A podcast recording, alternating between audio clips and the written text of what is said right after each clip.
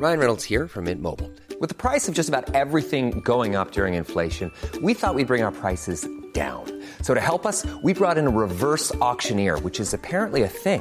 Mint Mobile unlimited premium wireless. Ready to get 30, 30, bit to get 30, bit to get 20, 20, 20, bit to get 20, 20, bit to get 15, 15, 15, 15 just 15 bucks a month. So, Give it a try at mintmobile.com slash switch.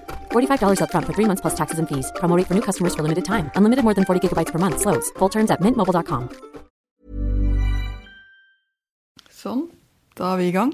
Hedvig Montgomery, bør vi synes synd på ungdom eh, nå til dags? Nei, jeg tror ikke vi skal synes synd på dem, men vi må skjønne hva de står i i denne situasjonen, som faktisk er ganske annerledes fra det både yngre barn og voksne står i.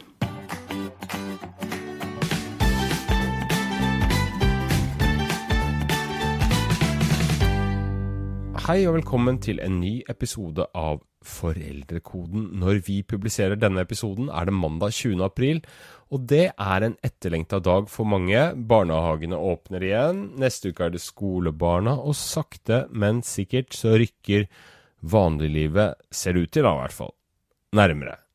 Etter over én måned med en slags hjemmetjeneste. Men de eldre barna og ungdommene våre, de må vente lenger. Og dagens episode er på en måte dedisert litt til dem og foreldra deres. Og hva er det foreldrene kan gjøre, og kanskje bør gjøre, for å lette hverdagen for en plaga aldersgruppe? For de er litt plaga nå, er det ikke det, Hedvig? Altså det er klart at Når du kommer opp og nærmer deg eh, tenårene, eller til og med er i puberteten, eller er på vei ut hjemmefra, så er det å få mer tid med mamma og pappa er ikke akkurat det du drømmer om. Eh, kanskje tvert imot. Uh, og det interessante er jo at De minste barna kan jo bli veldig begeistret for denne vi bygger telt sammen, vi leker sammen, vi er sammen. Det er oss hele tiden. Uh, når de kommer opp og bikker denne 10-11-årsgrensen, så begynner de å lete etter seg selv utenfor hjemmet. De begynner å finne nye miljøer, de begynner å finne nye steder å, å, å kaste ut ankeret sitt. Og det å miste alt det samtidig, eller få det så mye redusert, det koster en del, ja. Vi tenkte at vi skulle ta for oss et uh, ja, ganske stort spenn i dag. Aldersgruppe fra sånn ca. 10 til 20 år, litt etter tur. Og så må jeg innrømme at jeg har syndet litt i de siste episodene mot det som tidligere har vært et fast element i denne podkasten, og det er det vi kaller ukas spørsmål. Og den gjør nå comeback eh, i denne ukas episode. Temaet er barnehagestart og den får du mot slutten av sendinga. Vi begynner på det som kalles mellomtrinnet, vi. Femte til 7. klasse. Og de slipper jo heller ikke tilbake på skolen eh, ennå, Hedvig. Hvor mye lider de av det? Altså, det kommer jo litt an på. Jeg tror nesten foreldrene lider mer enn barna i akkurat denne, denne aldersgruppen her. Fordi det, det, viser seg at det er forbløffende mye å følge opp med hjemmeundervisning. Det er mye som skal læres, og for noen barn setter seg ned og gjør det de får beskjed om eh, på dagens e-post eller på, eh, på, skoleprogrammet. Mens andre trenger mye gjeting, trenger mye eh, nudging og mye tilrettelegging. Og noen foreldre finner jo ganske mye ut om både hvor barna står henne kunnskapsmessig eller ikke står. Eh, og blir nesten litt eh, overivrige i denne situasjonen.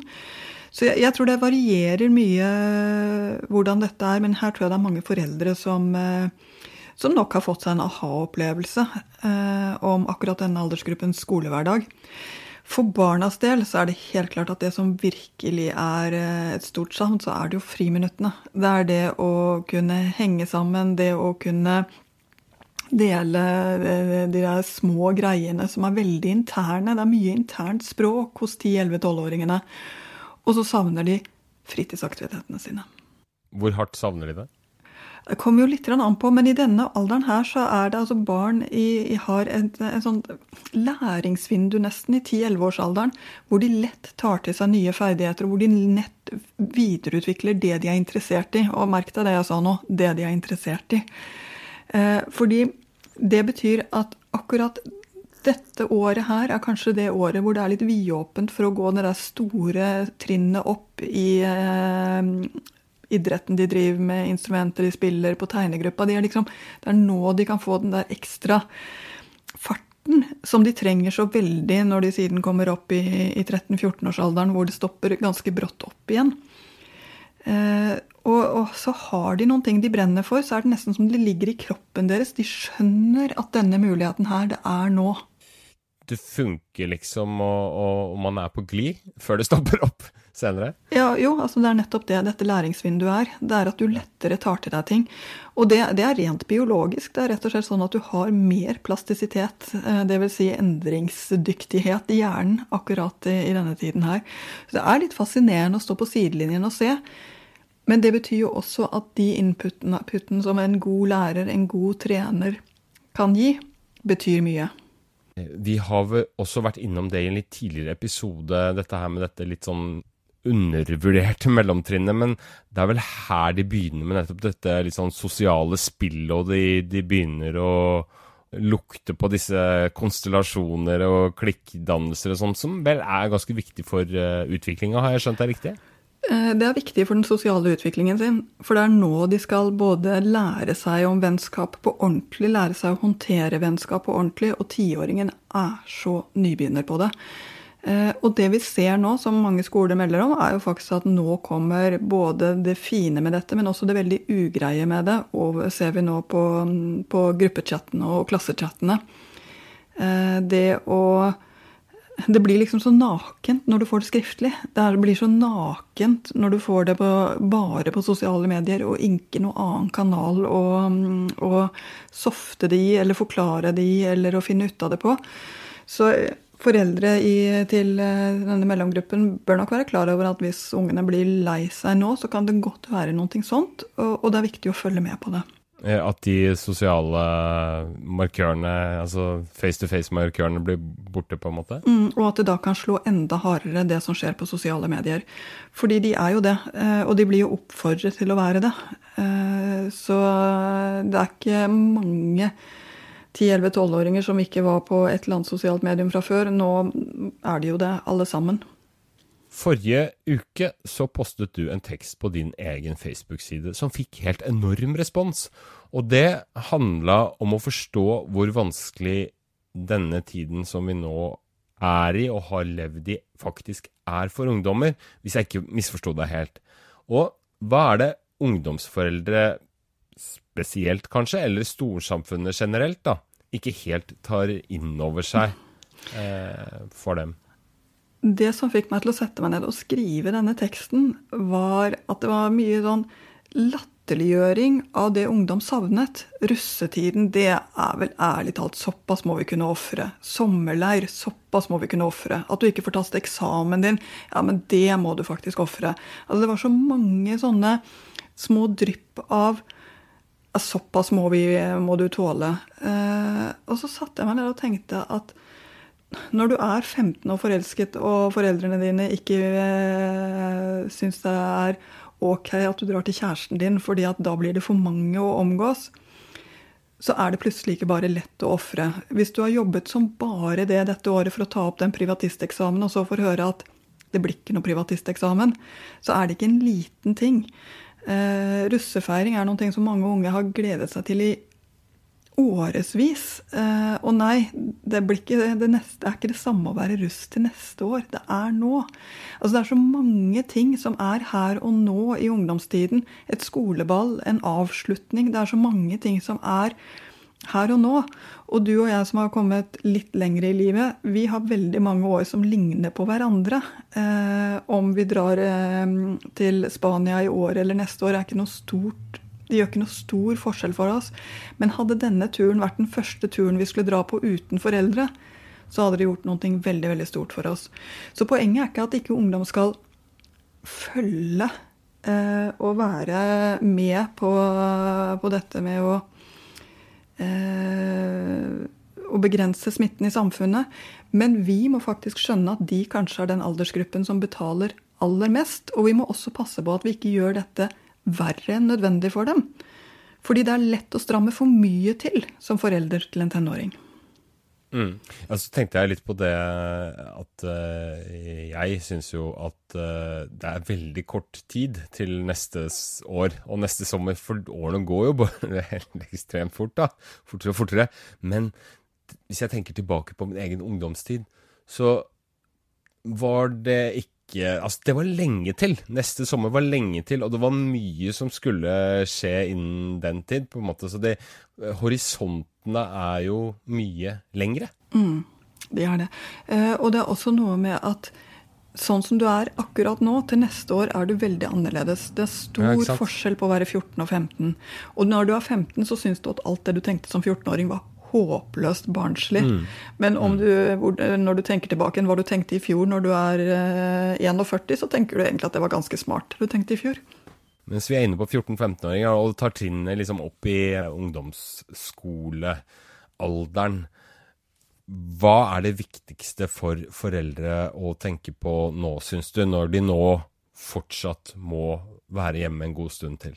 Altså det første er å forstå at konseptet være hjemme med kjernefamilien er så langt unna tenåringens programvare, altså der hvor de nærmest er programmert til å være akkurat nå, som det er mulig å komme. En som er uh, i uh, puberteten eller litt deretter akkurat nå, er programmert til å søke ut. Til å lete etter uh, sin identitet, til å bryte meninger, til å gå i konflikt med sine nærmeste for å finne ut hva han eller hun egentlig mener. Og akkurat dette med å gå i konflikt med sine nærmeste, ja, det vet jo de fleste foreldre at det er jo deg de går i konflikt med. Men de gjør det for å finne seg selv. Og det betyr også at de må kunne gå i disse konfliktene og så kunne få en pause fra dem. De kan ikke stå i dem hele tiden. Da går jo både de og du i stykker.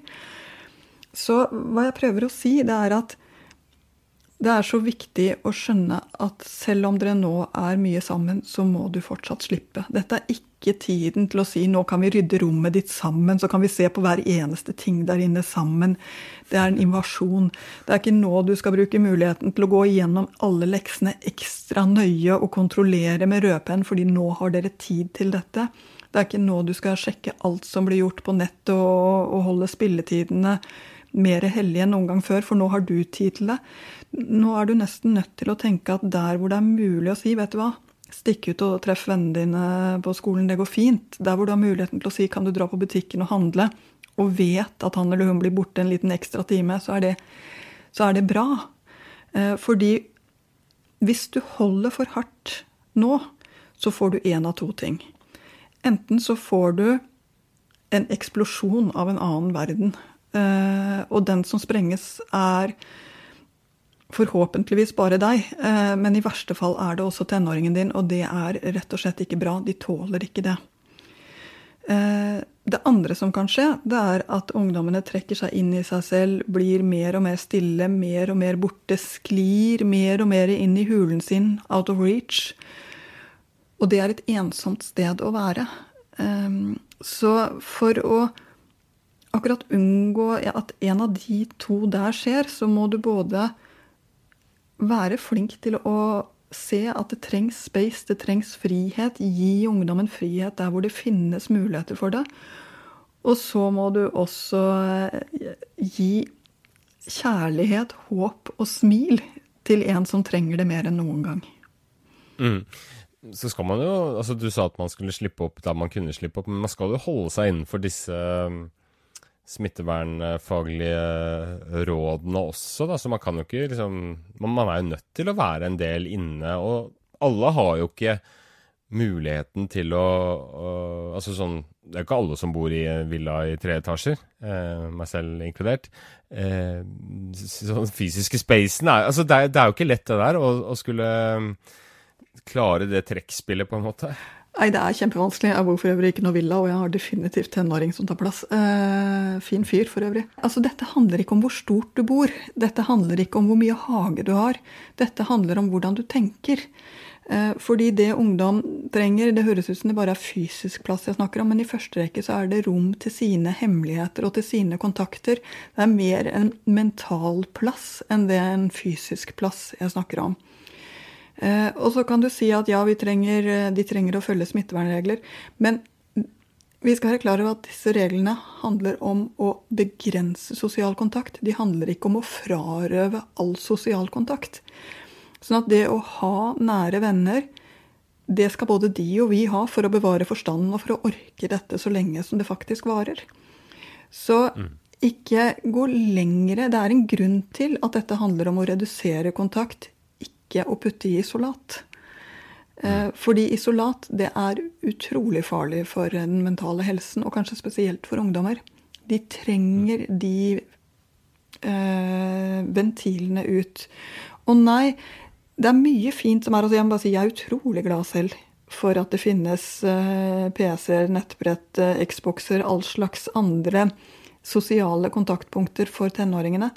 Men selv for dem så vil ikke det erstatte all fysisk ansikt-til-ansiktskontakt. Det er faktisk ikke nok, så til og med de trenger litt ekte hud og litt ekte blikk og litt ekte smil. Selv om det ikke nødvendigvis virker sånn alltid. Nei, og det er jo der vi kan bli så lurt, fordi at på oversiden er det så mye pigger. Eh, Men det er absolutt utsiden. Og det er også noen ting med at det blir faktisk mer pigger når det er for lite kontakt inn. En eh, annen ting som vi var litt inne på i stad, altså det er jo sannsynligvis mange avlysninger eh, på gang. Konfirmasjonsleirer, leirskoler, festivaler, fotballcuper. Hvordan skal man hjelpe ungdom best til å finne ting å se fram mot? Når man ikke bare skal avfeie det med sånn ja ja, så kommer det nye muligheter neste sommer. Når det kommer den beskjeden at dessverre vi eh, har sett oss nødt til å avlyse den og den leiren eller den og det og det arrangementet, da skal du virkelig på ekte skjønne at det gjør vondt å trøste og si at det var kjempeleit. Det er så synd. Altså, ha, ork å være sammen med ungdommen din i at dette var kjipt. Ork å være sammen med ungdommen din i at uh, vi må bare prøve å finne på hva, hva, hva annet som kan skje, eller hva annet som skal skje. La oss se, undersøke litt. Altså, du må orke å gå det litt grann sammen med ungdommen. Eh, fordi de, det er for mye å sitte med den skuffelsen og den sorgen alene. Det kan være en ekstrem prøvelse å være mye hjemme og innendørs eh, sammen med sine nærmeste over Langen. Eh, så tett. Men så vidt jeg forstår det, så er det nesten for Er det aller verst for ungdom? Altså at det da nærmest er totalt naturstridig å skulle omgås de, de nærmeste? Altså, jeg, vil, jeg vil nok si at for ungdom er det rett og slett Hele prosjektet deres er dette å finne seg selv-prosjektet, og da blir det for smått med bare de aller nærmeste. Så eh, her må vi bare se hva er det mulig å pøse på med av kontakt med andre. Og veldig mange ungdommer, det høres kanskje rart ut, men de har veldig behov for den læreren som liker dem og smiler til dem. De har veldig behov for den treneren som ser at de får til noen ting, og, og sender den tommelen opp. De har veldig behov for den eh, fiolinlæreren som hører den lille forskjellen og, og, sier at 'det der var bra jobba'. De har behov for disse andre voksne også. Eh, Ja, det er kanskje litt sånn undervurdert eh, behov. Ja, for vi tenker kanskje ikke så mye på det. Dette er jo dette er ofte ting som skjer, eller det er jo stort sett bare ting som skjer uten at vi foreldre er til stede. Eh, men det er noen ting som veldig mange ungdommer nå har hatt altfor lite av. Så igjen, jeg tror at vi som samfunn, altså alle, må rett og slett se på hvordan eh, hvordan få tilbake igjen de kontaktpunktene for ungdommene. For det handler ikke bare om den fotballen, det handler også om den opplevelsen av at et annet, et annet voksent menneske ser meg med velvilje, ser på meg med et smil. Mm, og også kanskje som forbilder, for jeg, jeg mener å huske selv at når jeg syns mine egne foreldre var som teitest, så syns jeg, så synes jeg fotballtreneren var veldig kul, og han var litt yngre også. Altså, det, det var en, en, et annet type ideal, voksenideal, å strekke seg litt mot og vise seg litt fram for. Ja. Så, så, det er nok mange grunner til at, at, tenåringskarantene, hvis vi skal kalle det det, kanskje er den dårligste av alle ideer.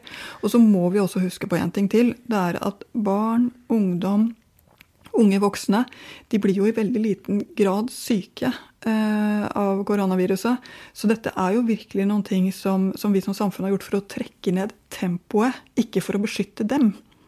Mm. Vi har gjort det for å trekke ned bevegelsen i samfunnet, men ikke for å beskytte dem spesifikt. Mm. Så, så, det å holde motet oppe må vi kollektivt jobbe med. Eh, da føltes det litt naturlig å stille deg et oppfølgingsspørsmål, egentlig fra din egen Facebook-side. Jeg nevnte denne posten din i stad. Da var det en kommentar der som jeg merket meg, som, som var en, en, eh, som kaller seg for en pre-tenåringsmamma med mange tanker, som hun skriver. I, og så skriver hun at i dag har jeg og datteren min snakket om at det egentlig er 5., 6., 7., 8., 9. og 10. klassingen som bør få begynne på skolen igjen for å få tilbake noen av holdepunktene sine, og få følelsen av å kunne henge med venner igjen og ikke kjede seg grønne.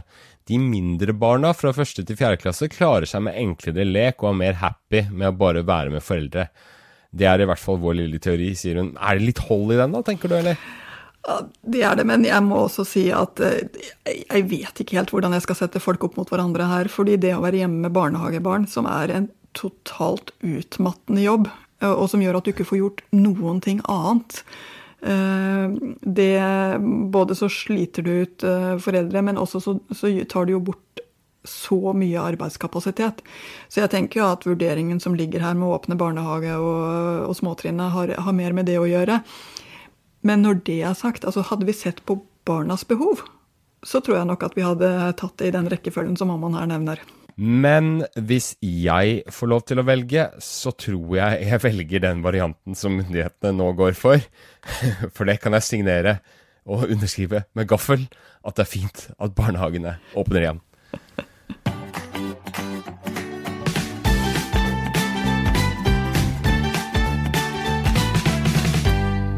Og så er det det som noen kaller for storbarna, kanskje. Altså, Det å være storbarnsforelder har jo blitt et begrep etter Guro Hoftun Gjesdals bok om storbarnsforeldre. Du kaller de gymnasiaster, gjør du ikke det? jeg syns det er så fint ord. Beklager, der eh, avslørte jeg eh, noen år på baken, tror jeg. Nei, altså det er klart at Barna på videregående er store, eh, og de tenker på seg selv som enda større enn det de er, faktisk. Eh, jeg tror vel aldri jeg har vært så voksen selv som da jeg var 17. Eh, siden har det bare gått utfor. så, så denne alderen her er jo en alder som, som, handler om å gjøre ting for første gang. Finne en vei for engasjementet sitt. Eh, få lov til å bidra. Få denne følelsen av at man kan bidra med noen ting i samfunnet.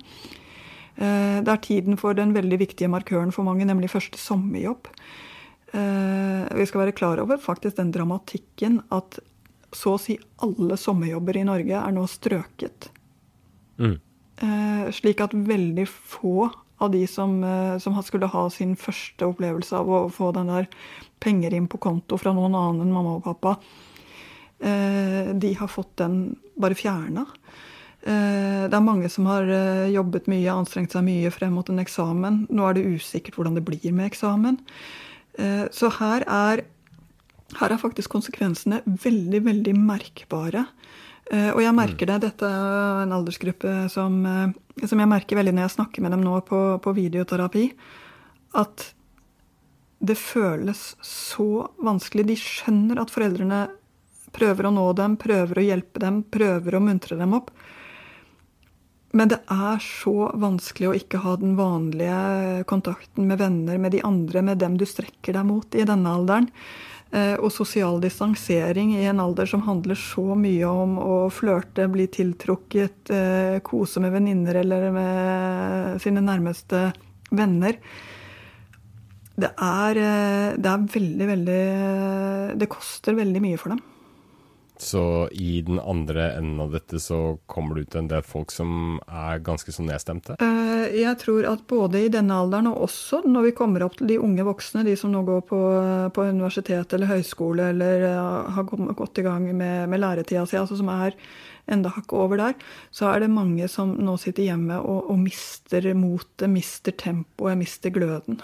En ting som jeg tenkte litt på, det var at jeg har inntrykk av at Eller jeg vet jo at det er sånn til dels også, at, uh, i forhold til for 20 år siden, at eh, de har så mange valg nå. Og så plutselig kommer dette greiene her og setter et slags bur over dem.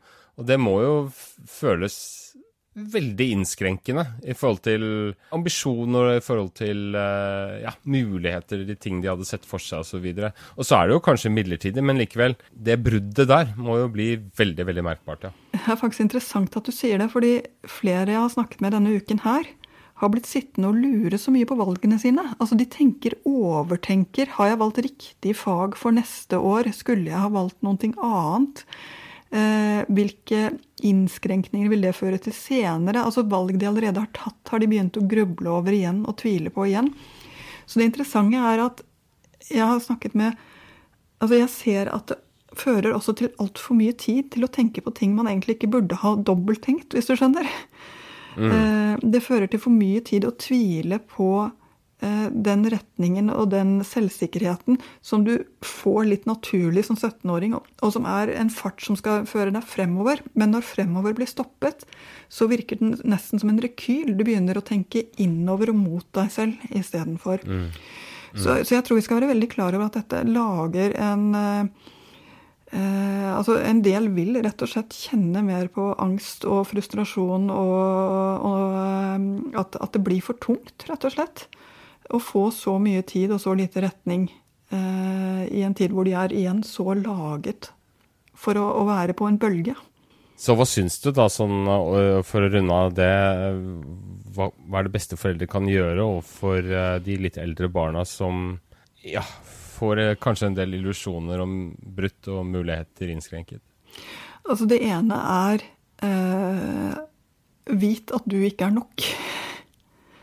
Eh, det høres litt hardt ut, men jeg tror det er viktig for, eh, for foreldre å, å, vite det også. For man føler seg så utilstrekkelig når du prøver å nå inn til dette og ikke får det. Så hvem andre kan det være rundt det barnet som, som kan eh, være nyttige akkurat nå? Og det andre det er at er det ett sted hvor vi virkelig må holde frem dette kommer til å gå bra, dette kommer til å gå over, det kommer vaksiner, det kommer medisiner, det kommer bedre tider. Akkurat nå ser det til og med ut som det går fortere enn vi tenkte. Ja, da er det denne aldersgruppen her. Nei, her trengs det at vi selv ikke går inn i angsten, grublingen og, og depresjonen. Og så er det jo en gruppe av barn og ungdom som kanskje er i spesielt utfordrende situasjoner. Altså, det er mange som er i utfordrende situasjoner av ulik art, men jeg tenker på skilsmissefamiliene, som ofte er litt klønete for eh, barn og ungdom fra før av. Men får de en slags dobbel belastning nå i, eh, i disse dager? Du kan si at selv barn som har levd med eh, to baser over mange, mange år, pleier å begynne å hakke litt med det når de kommer opp i, på ungdomsskolen i ungdomsskolealderen. Det blir mer slitsomt å veksle mellom to hjem. Det blir mer slitsomt å tilpasse seg forskjellige sett med regler. Eh, du får et ungdomsopprør kanskje ikke bare en gang mot mamma og pappa, men også mot en stemor eller stefar eller en ny eh, kjæreste inn. Sånn at det blir selv uten korona så, så, er det mye vanskeligere når du, kommer, jo, når du kommer opp i denne løsrivelsesfasen for veldig mange. Om det blir vanskeligere nå? Ja, det vi ser som er så egentlig litt grann trist, eh, det er at en del foreldre eh, finner nå enda en ny ting å kritisere eksen sin for. Ja. Eh, fordi du syns jo kanskje ikke han var noe god på hygiene før dette. Nå stikker det virkelig i øynene. Og kanskje han har en ny kjæreste. Og hun syns ikke det er ålreit at det kommer en tenåring inn i huset fordi de fikk baby for bare et år siden, og hun har lyst til å, å ta vare på, eh, på, den tryggheten med dem som kjernefamilie, og syns rett og slett at det er nesten litt vanskelig med, med denne altfor store ungdommen som nå kommer inn med store sko og store hender og, og, begynner å tenke på hvor de har vært. Og så er man i gang med noen ting som, som setter tenåringen helt sjakk matt. Altså hvor blikket tenåringen får på seg, er en slags indirekte kritikk av den andre forelderen og en uh, synet på, på Altså bli sett på som en smittespreder. Tillegg, ja. uh, og, og da, da er det klart at da er det noen ting som går skikkelig, skikkelig, skikkelig, kan gå skikkelig, skikkelig, skikkelig stykker. Så jeg tror at det som vi virkelig skal holde klart for oss nå, det er at de er ikke smittespredere. Altså, vi kan ikke se på mennesker som smittespredere. De er tenåringer, de er barn, de er fine folk. Vi må jobbe med blikket vårt. Og det andre det er at sånn som, som Folkehelseinstituttet har definert det, så er et barn og barnets hjem i en smitteenhet. Det er også når det er to hjem. Mm. Sånn at eh, det, det, er eh, Det hører til begge stedene, også i en slik situasjon.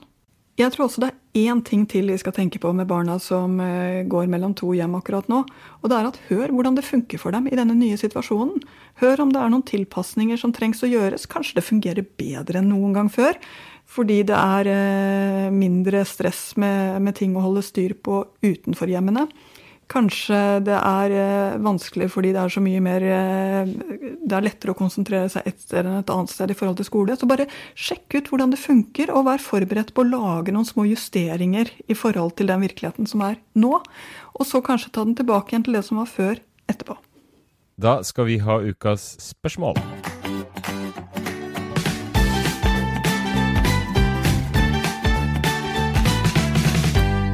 Ukas spørsmål kommer fra en eh, barnehagemamma som lurer fælt på dette.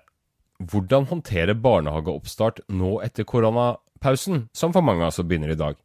Trenger barna en tilvenningsperiode? Vi har en ett og et halvt åring som aldri har hatt så lang pause fra barnehagen siden hun startet i oktober. Er det noe vi foreldre bør tenke på nå når barna skal starte hverdagen igjen? Har du noe svar til henne? Ja, altså For det første så utrolig fint å få lov til å starte opp igjen.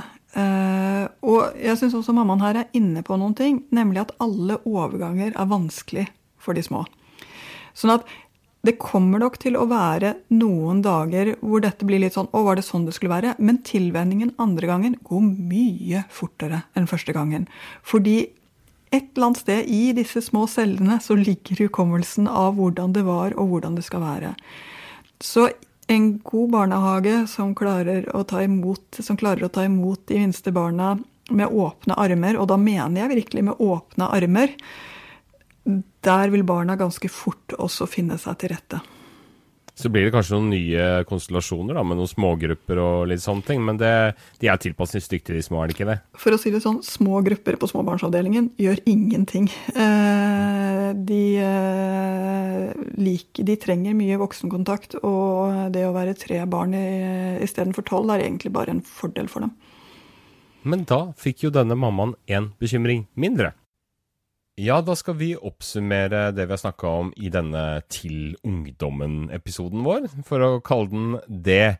Hvis du skal komme med tre viktige råd til foreldre av ungdom i denne tiden vi lever i, nå når de ikke får begynne på skolen på en stund fortsatt, hva vil det være? Det første er tenk igjennom hvordan dette er for dem. Altså rett og slett gå ned i, i den øyenhøyden sånn som de tenker. Og ja, det er ganske selvopptatt. Men at du klarer å skjønne litt hvordan, hvordan det oppleves, gjør det mye lettere å også møte dem og finne løsninger. Det andre det er gi plass for den utviklingen som vokser og spirer inni dem overalt hvor du kan. Eh, gi dem plass, gi dem eh, Eh, sine små muligheter til å stikke ut, til å treffe sine venner og til å gjøre sitt. Fordi det er det tredje. Gi også plass for eh, andre personer inn i ungdommens liv enn bare dere aller nærmeste. Hva er den største fella man kan gå i her? Den største fella er å være for mye inne oppå hverandre og å være for mye i ungdommens privatliv i denne fasen hvor du nesten har for god tilgang til det. Yes. Åpne ventilene, det var det vi hadde for uh, i dag. Nå er det slik at denne sesongen vår den går mot slutten, men vi skal nok rekke å klemme inn en par episoder til. Men jeg vil benytte anledningen til å minne om at du kan gå tilbake i vår katalog, som vi liker å kalle det, uh, og finne veldig mye relevant stoff for uh, ulike problemstillinger, for ulike aldersgrupper. Og så vil jeg også minne om Facebook-gruppa vår, Foreldrekoden, som er stor og fin og brukes av foreldre til å diskutere ulike sider ved barneoppdragelse. Har du et spørsmål til oss, eller eh, reaksjon, eller hva som helst, kan du sende til foreldrekoden at aftenposten.no. Har du noe å si på tampen, eller? Jeg ønsker alle sammen en riktig god uke, og lykke til med barnehagestart og skolestart for dem som eh, kommer dit. Takk for i dag.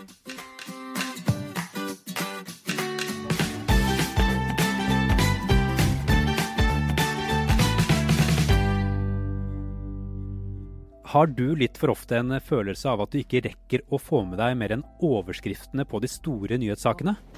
Norge blir satt på en stor prøve. Og flyktninger og migranter strømmet mot grensen for å komme seg Jeg heter Andreas Bakkefoss og er programleder i Aftenpostens nyhetspodkast Forklart. Hver dag så gir vi deg innsikten du trenger for å forstå nyhetene litt bedre på bare et kvarter.